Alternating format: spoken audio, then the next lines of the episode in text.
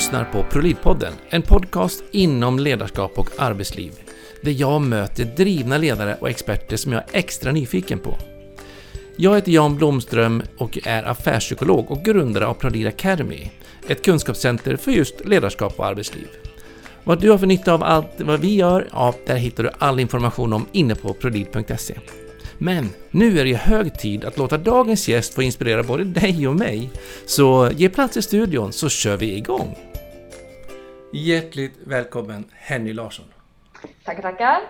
Så trevligt att du ville vara med i ProLid-podden och eh, du jobbar som personalchef och vice eller biträdande kommunchef i Oxelösunds kommun. Det stämmer, det gör jag. Kan inte du berätta lite grann för alla lyssnare som inte riktigt har koll på Oxelösund? Ja, Oxelösund är ju en, en fantastisk och liten kommun som ligger ut med Sörmlandskusten. Ja. Vi ligger liksom som på en liten, eh, nästan som en liten halvö ut med Sörmlandskusten utanför Nyköpings kommun som är vår grannkommun. Ja. Eh, till ytan väldigt liten, eh, en av Sveriges sjunde, sjunde minsta kommuner till ytan. Men invånarantal drygt 12 000. Ja. Och, och väldigt präglad av det kustnära läget naturligtvis. Ja, för ni har en, riktigt lång eh, kust helt enkelt. Precis, 85 procent av vår kommungräns är faktiskt mot, mot havet. Så det... vart man än är så har man inte långt till vattnet. Ja, det är sjukt. Ja. Mm, och, jag, och jag utgår ifrån Gotland och vi har faktiskt 100 procent ja. vatten runt oss. Vi slår oss Jan. men vi är ingen halvö heller så att vi får väl utgå från det. Ja, men det är jättekul att du kunde komma i alla fall. Och ja. Eh, jag tänker att eh, vi ska prata lite grann om att eh, köpa ut folk. Mm folk och folk, nu lät det som det skulle vara liksom dada, men i alla fall att kunna liksom med medarbetare, för det är ganska vanligt att man liksom köper ut, många kommuner har idag ett ganska så stort konto för att ut, köpa ut och ha avgångsvederlag. Men där sticker ni ut lite grann åt andra ja, hållet. Det har blivit så. Jag tycker att det är lite synd att vi sticker ut. Jag skulle ju önska att det var kanske fler som jobbade lite mer återhållsamt Eh, med utköp och kanske tänkte lite på ett annat sätt. Så det är, det är lite synd att vi sticker ut, men jag har noterat att, att det är så. Ja, mm. och för några år sedan så var ju ni en av de allra lägsta i Sörmland. Mm. Eh, ser det likadant ut fortfarande? Jag skulle gissa det, för våra utköpssiffror har ju inte ökat sedan dess. Ehm, så det beror lite på hur det ser ut för de andra. Jag har faktiskt ingen uppgift om det, men jag, jag skulle gissa. Det är inte så att, att vi har ökat våra, våra utköp utan Nej. tvärtom ligger vi fortfarande väldigt ja. lågt. Mm. Och hur kom det där liksom upp? Hur vaknade den frågan hos er att vi faktiskt ska börja kanske vara lite mer efter återhållsamma? Ja, det har nog liksom, jag ska inte säga att det växt fram. Jag har jobbat som, som personalchef och HR-chef i Oxelösund i tio års tid och när jag kom hit eh, i mitt första uppdrag som, som personalchef, jag har mm. jobbat med som journalist eh, i offentlig sektor tidigare. Men när jag kom hit, fick uppdraget som personalchef, så fick jag höra att det hade varit en hel del utköp och att, att det fanns de som, eller jag fick signaler egentligen på att, att det var en ganska otrygg organisation. Mm. Det var många som hade köpts ut och, och det fanns de som, jaha, när är det min tur? Ja. Eh, Säger man emot så blir man utköpt liksom? Ja, så var det naturligtvis inte.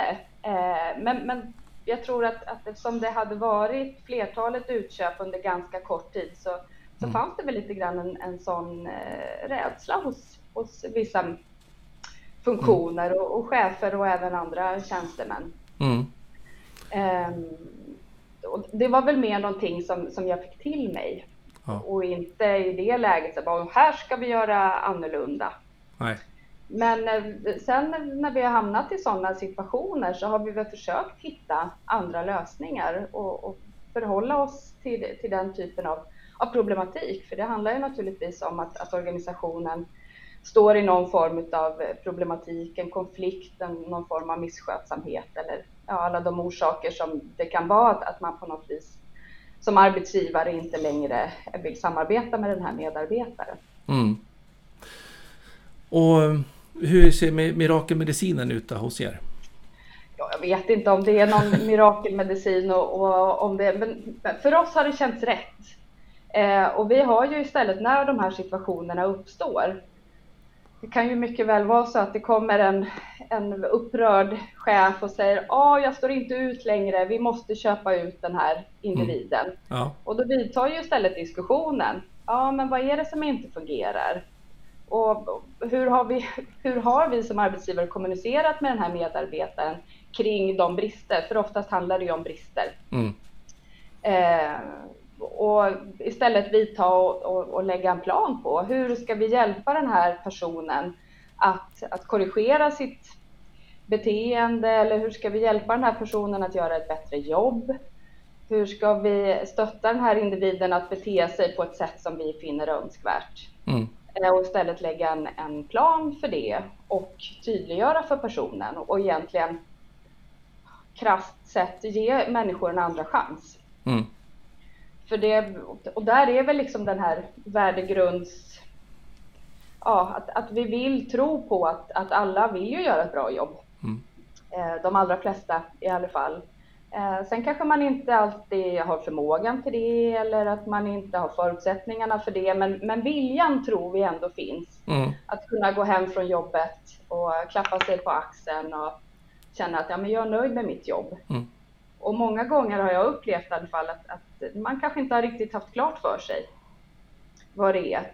Eh, eller att man inte har förstått att här får man inte höja rösten till varandra. Får man inte knuffa till så här eller är det okej okay att komma för sent upprepade gånger eller vad det nu kan vara. Det finns ju en, en, en stor mängd av orsaker till att mm. man har problem. För när jag är ute och konsultar... Det är liksom utgångspunkten.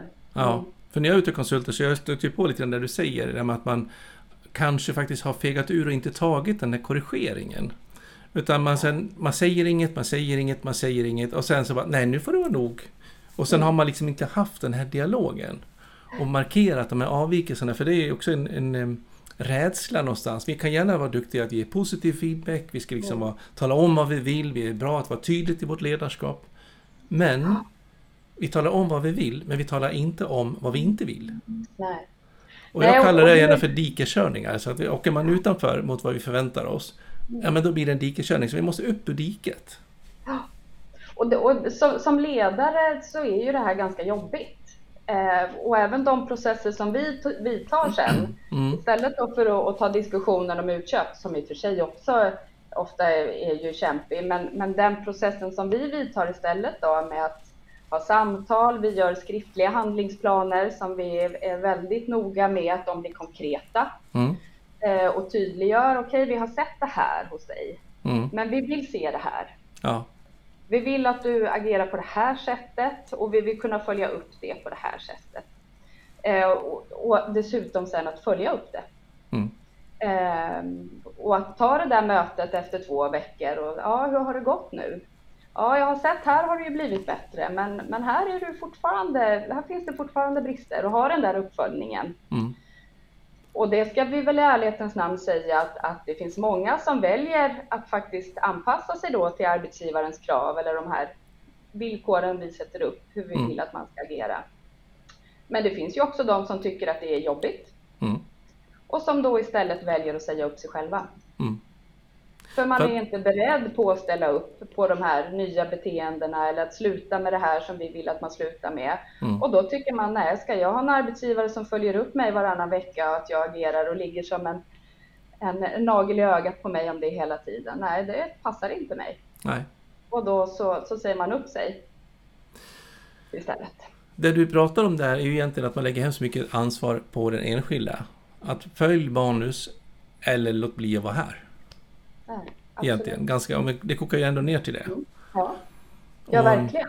Och där har ju arbetsgivaren ett tolkningsföreträde, tänker jag. Det Vilket manus som ska vara liksom. När, när vår medarbetare har skrivit på ett anställningsavtal eh, så har jag ju därmed också sagt att, att den under den tiden som vi betalar för så, så ska man utföra ett arbete och man gör det utifrån eh, vad vi säger att man ska göra. Mm. Så det är ju jättetydligt. Jag brukar jämföra arbetsplatser med en teaterscen. Mm. Eh, och så bestämmer liksom arbetsgivaren eller då teaterledningen vilken typ av föreställning vi ska köra. Vi kör liksom Sound of Music.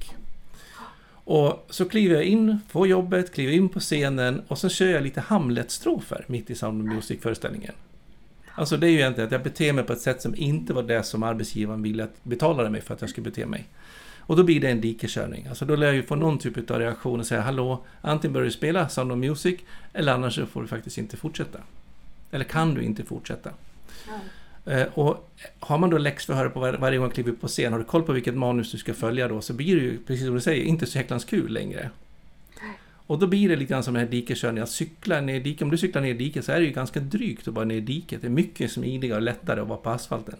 Det rullar lätt och det är ingen punktering och man kommer lätt framåt med den lilla investering av energi man gör. Men det är diket så är det jobbigt, det är drygt, det är svettigt, det är ångestfyllt och det är skaderisk. Det ska vara drygt att vara i diket. Det ska vara drygt att bete sig på ett icke önskvärt sätt, tänker jag. Och där blir det så tydligt också att publiken, de skulle klaga om inte man följer Sound of Music-manusen. För det är det de har köpt biljett för. Och detsamma gäller för kommunmedborgaren eller kunderna eller vilken typ av verksamhet man nu har. Nej, men, men absolut. Och min erfarenhet, eller våran erfarenhet efter alla de här åren är ju ändå att, att det är många av våra medarbetare som faktiskt väljer att lyfta upp cykeln och köra på asfalten. För ja. man inser att det är mycket roligare. Eh, men, men och, de som, och så har vi en del då som väljer att, att inte göra det för att de, äh, men de vill inte ens vara mot i den här sträckningen. Nej. Och då är det faktiskt deras ansvar och, och, ofta brukar de komma fram till att nej men då får väl jag ta ansvar och säga upp mig. Ja. Mm. Och sen ska man ju tillägga att, att sen så är vi Ibland så kör man så illa att man eh, faktiskt måste sägas upp eller avskedas och det mm. gör vi också. När man ser att, att nej, men här kommer det inte funka, man vill inte följa den handlingsplan eller att man ändå så grovt åsidosätter sina, sina uppdrag eller åligganden och, och då avskedar vi eller säger upp. Så mm. är det naturligtvis. Och inte köper ut så mycket.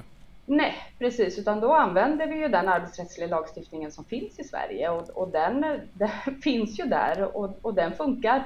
Mm. Eh, och, och, det tycker jag väl att ja, så länge man har på fötterna och vi har gett medarbetaren en chans, vi har gett stöd, för det är ju jätteviktigt också att man får stöd och, och hjälp för att klara av det här uppdraget och följa mm. den här handlingsplanen.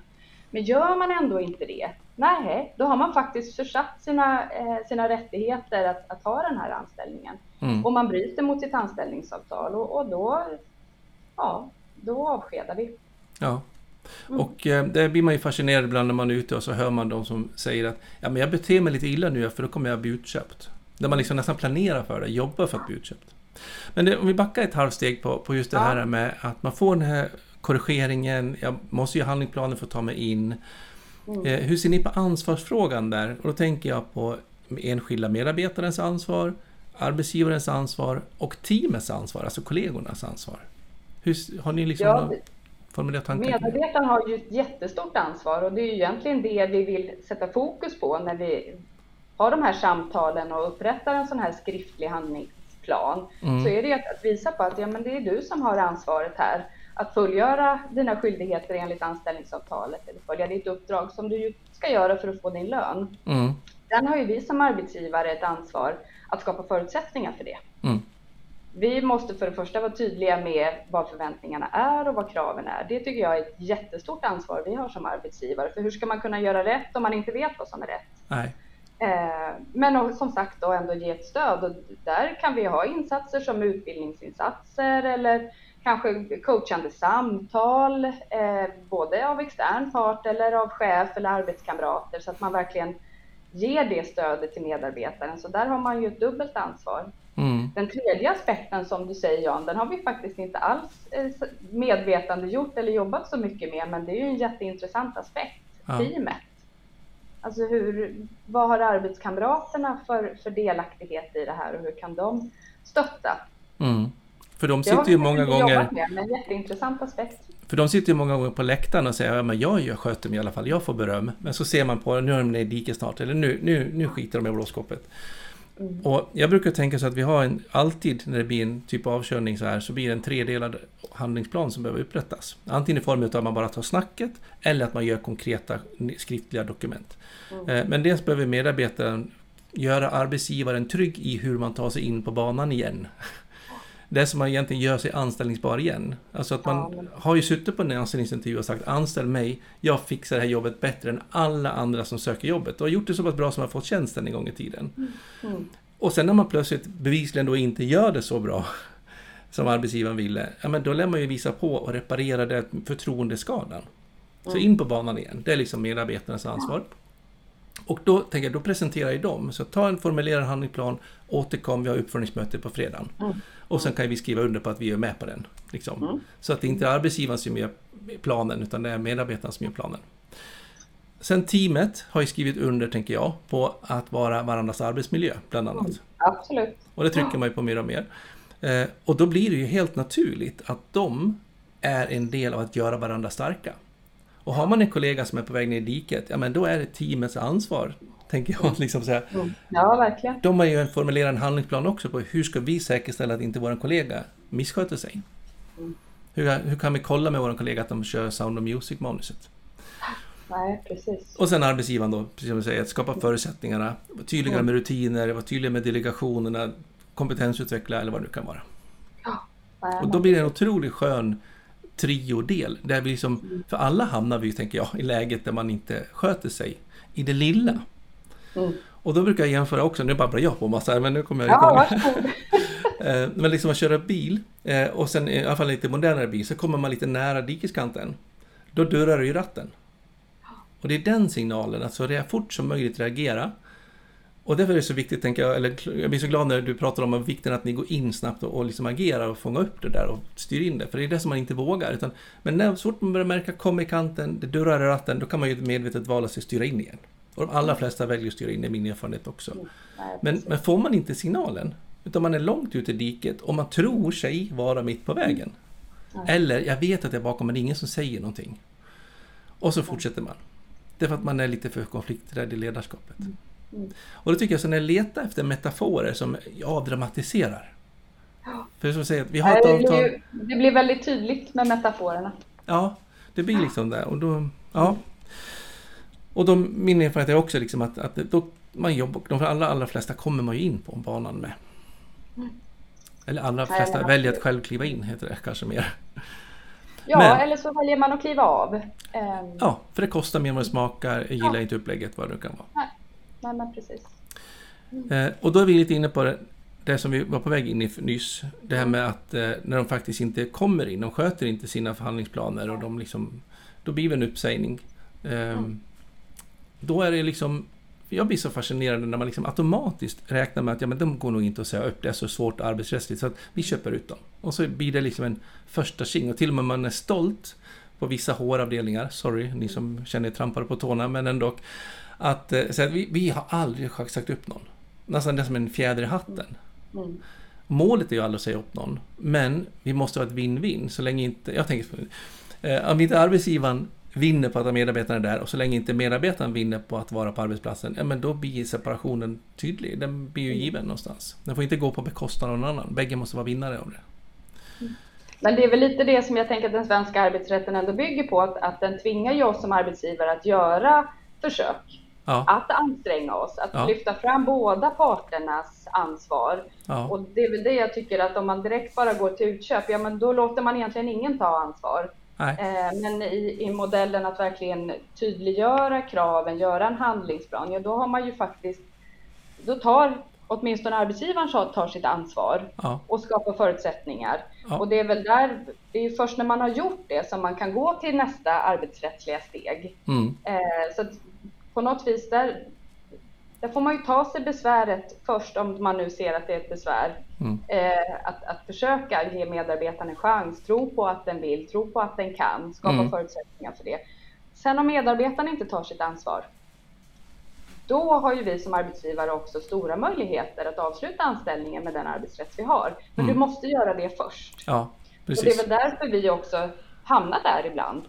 För vi ser till att göra det andra först. Ja, Och då kommer vi också till de arbetsrättsliga avsluten utan tvister. ja, Eh, och utan att hamna i AD eller få stora skadestånd. Nej, men för vi har gjort det vi ska först och, och Ja. då är det inget problem. rent spel liksom.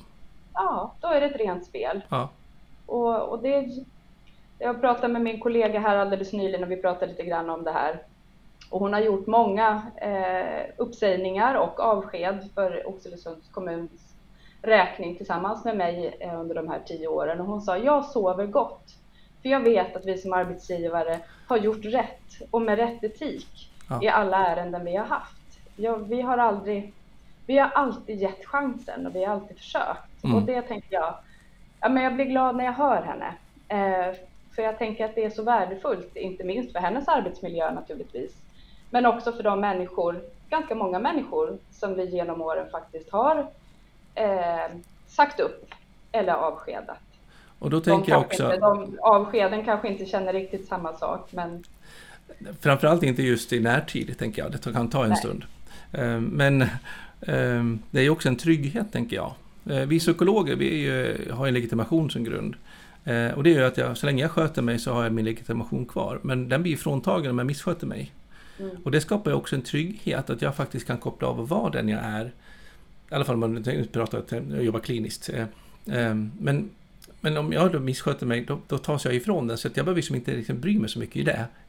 Och det gör ju att om jag då missar omdömet helt så kommer arbetsgivaren att lyfta ur mig.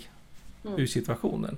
Och det som händer då, tänker jag, när jag hör dig prata, det är liksom att man gör ett rent avslut, man får en chans att få beröm på en annan arbetsplats. Mm. Istället för att gå kvar fem år till och bara bli den här svarta fåret liksom. Mm.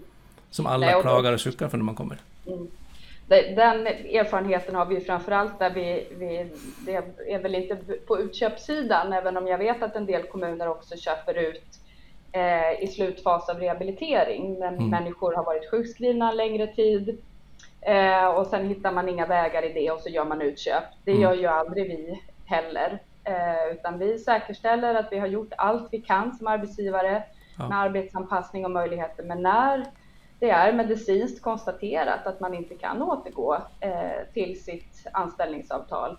Då stänger vi rehab, gör en omplacering, tittar på alla jobb, vi tittar på hela individens kompetens.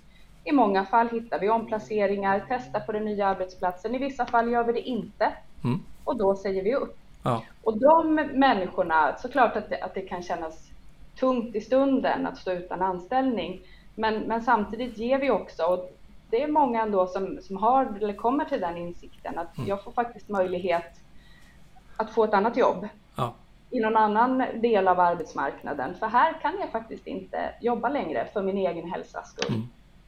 Och den sorgen och jobbigheten där, den är ju kanske inte att man blev av med jobbet nödvändigtvis, ja. även om det är ett ekonomiskt och allt det där. Men, mm. men också att man faktiskt råkar på en skada eller en sjukdom som gjorde att jag inte kan. Alltså det blir mycket släkta livsströmmar mm. tänker jag. Som, som mm. blir en trauma och som man måste bearbeta. Och då är det också lätt att säga att det var arbetsgivaren som var boven istället för att det var mm. min, min sjukdom eller min, min skada som... Ja. För den är ju för jobbig att bära liksom, så att det är lätt att ha en annan syndabock. Och då är det också, ja. tänker jag, att jag gjort rätt, visa på, allt är transparent och öppet. Mm. Så blir det också lättare att jag får ha min egen sorg för min skada liksom. Ja, och att man kan få känna sig trygg under, under vägen också, den processen. Att nej, men här är ingen som, som försöker utnyttja mig eller vill mig ont. Nej. Utan här, här är arbetsgivaren som, som i grund och botten vill mig gott. Ja. Eh, och det tycker jag är, är, så himla viktigt i alla de här ärendena. Att, att jag som medarbetare får känna att, att jag har en arbetsgivare som vill mig gott. Mm. Eh, visst, det funkar inte här eller jag kan inte utföra arbete på grund av min sjukdom eller vad orsaken än är. Men, men det finns en, en, ändå någonstans en god intention och även vid avskeden mm. där vi pratar om då liksom allvarligare företeelser så är det ju på något vis, här vill arbetsgivaren skydda sina medborgare eller sin verksamhet. Mm. Och, och kanske ibland också man... enskilda medarbetare, tänker jag, i förlängningen. Mm. Även om man kanske inte är så ädel nog att se det just när man är i stunden. Nej, precis. Mm. Det, men det här som du pratar om, man går till uppsägning och så, är, är det liksom det du menar är då personliga skäl som ni går på officiellt? Precis, det är det ju då. Mm. Eh, det kan ju vara både en, ett avsked eller en, en uppsägning och då ja. hänvisar vi ju till, då är det ju personliga, personliga skäl eller personliga förhållanden som det står. Och vad är det som är skillnad på en uppsägning och en avskedning då? Ja, ett avsked gör vi, då avslutar man anställningen direkt och då ska det vara en, en mycket allvarlig eh, företeelse som har legat till grund. Och det kan ju till exempel vara en, en en stöld. Mm. Eh, eller att man brukat eh, våld eh, på arbetsplatsen i relation till en, en, brukare. Alltså egentligen man har gjort, man har gjort fel fel liksom. Precis, man har mm. gjort fel fel. Ja. Eh, medans uppsägning kan ju vara en mängd olika saker. Det kan vara en mindre stöld eller upprepad misskötsamhet eller en bristande frånvaro som, som då har upprepats till exempel. Mm. Så det handlar lite om, egentligen om allvarlighetsgraden i... i ja, och då kan man mer kontrollerad avslutning. Mm. Liksom. Mm. Och uppsägningen som sagt, den följer ju en uppsägningstid så då har du kvar din anställning ett antal månader efter att du har fått beskedet. Ja. Mm. mm. När mm. kan eh, personliga skäl bli problematiskt? Vad har ni för erfarenhet av det? Ja, men någonstans är det ju alltid en, en tolkning. Om man pratar om arbetsförmåga för arbetet, ja, mm. vem sätter gränsen för det? Hur bra mm. ska arbetet utföras? Mm. Um, ska man kunna göra alla arbetsuppgifter um, som normalt förekommer i den befattning man har? Då blir det ju hela tiden tolkningar. Ja. Uh, och, och där kommer ju risken för tvist in naturligtvis. Ja, och då har ju medarbetaren sin, sin fackliga organisation som tillsammans med oss som, som arbetsgivarpart diskuterar hur är tolkningen? Vad har vi för argument för att vi anser att det finns saklig grund ja. i de här skälen? Och då kan det ju till exempel vara hur, hur många chanser har medarbetaren fått ja. att korrigera sitt beteende eller om vi pratar om arbetsförmåga, eh, ja, hur, hur vilken grad finns arbetsförmåga kontra inte? Och viktigt att den dokumenteras, tänker jag, hela den resan.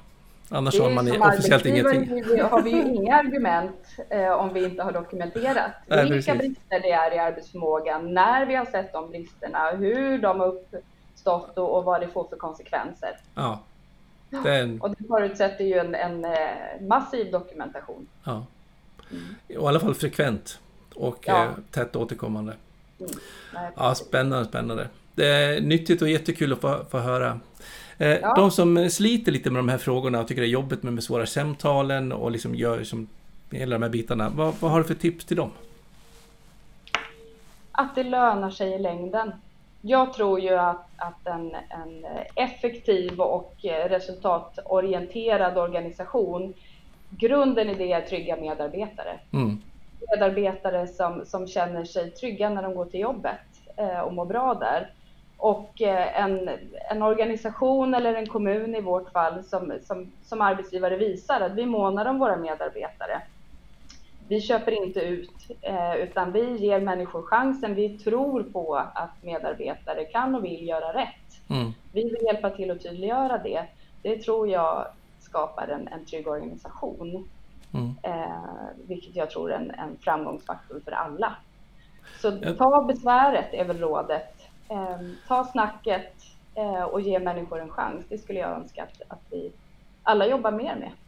Kloka ord. Och jag tänker en effekt också för den enskilda medarbetaren eller människan i det sammanhanget. Så är det ju att, en, eh, att bli uppsagd eller avskedad, den är liksom alltid liksom knutet till vad jag har gjort eller inte gjort, alltså i min funktion. Mm. Men så att bli utköpt, då blir man liksom dömd utan domstol. Lite ja. då, får, då går man runt och har en stämpel och det gör någonting med människan, oss som människor, att gå runt och vara den som blev utköpt. För att det var någon som inte gillade mig, men det var inte riktigt prövat och granskat. Så att det är en sund ja. människosyn, tänker jag. Ja, men jättekul. Spännande att få ta del utav. Om man vill få kontakt med dig och få höra mer och sådär, var får man tag på dig någonstans? Då får man tag på mig via Oxelösunds kommun eh, till man kan ringa till vår, vårt kommuncenter eller så mejlar man mig direkt på henny.larsson Härligt. Tusen tack för idag. Tack så hemskt mycket, jättekul att vara med. Ja, kanon. Hej. Hej då. Ja, om du uppskattar avsnittet så passa på och gilla och prenumerera på den favoritplattform som du befinner dig på just nu. Och eh, ja, låt oss inspirera varandra också på våra sociala kanaler. Prolid eller Jan Blomström, ja det går lika bra. Och kontakta mig om du är nyfiken på våra tjänster eller besök prolid.se. Men eh, ta hand om dig tills vi hörs i nästa avsnitt. Hej då!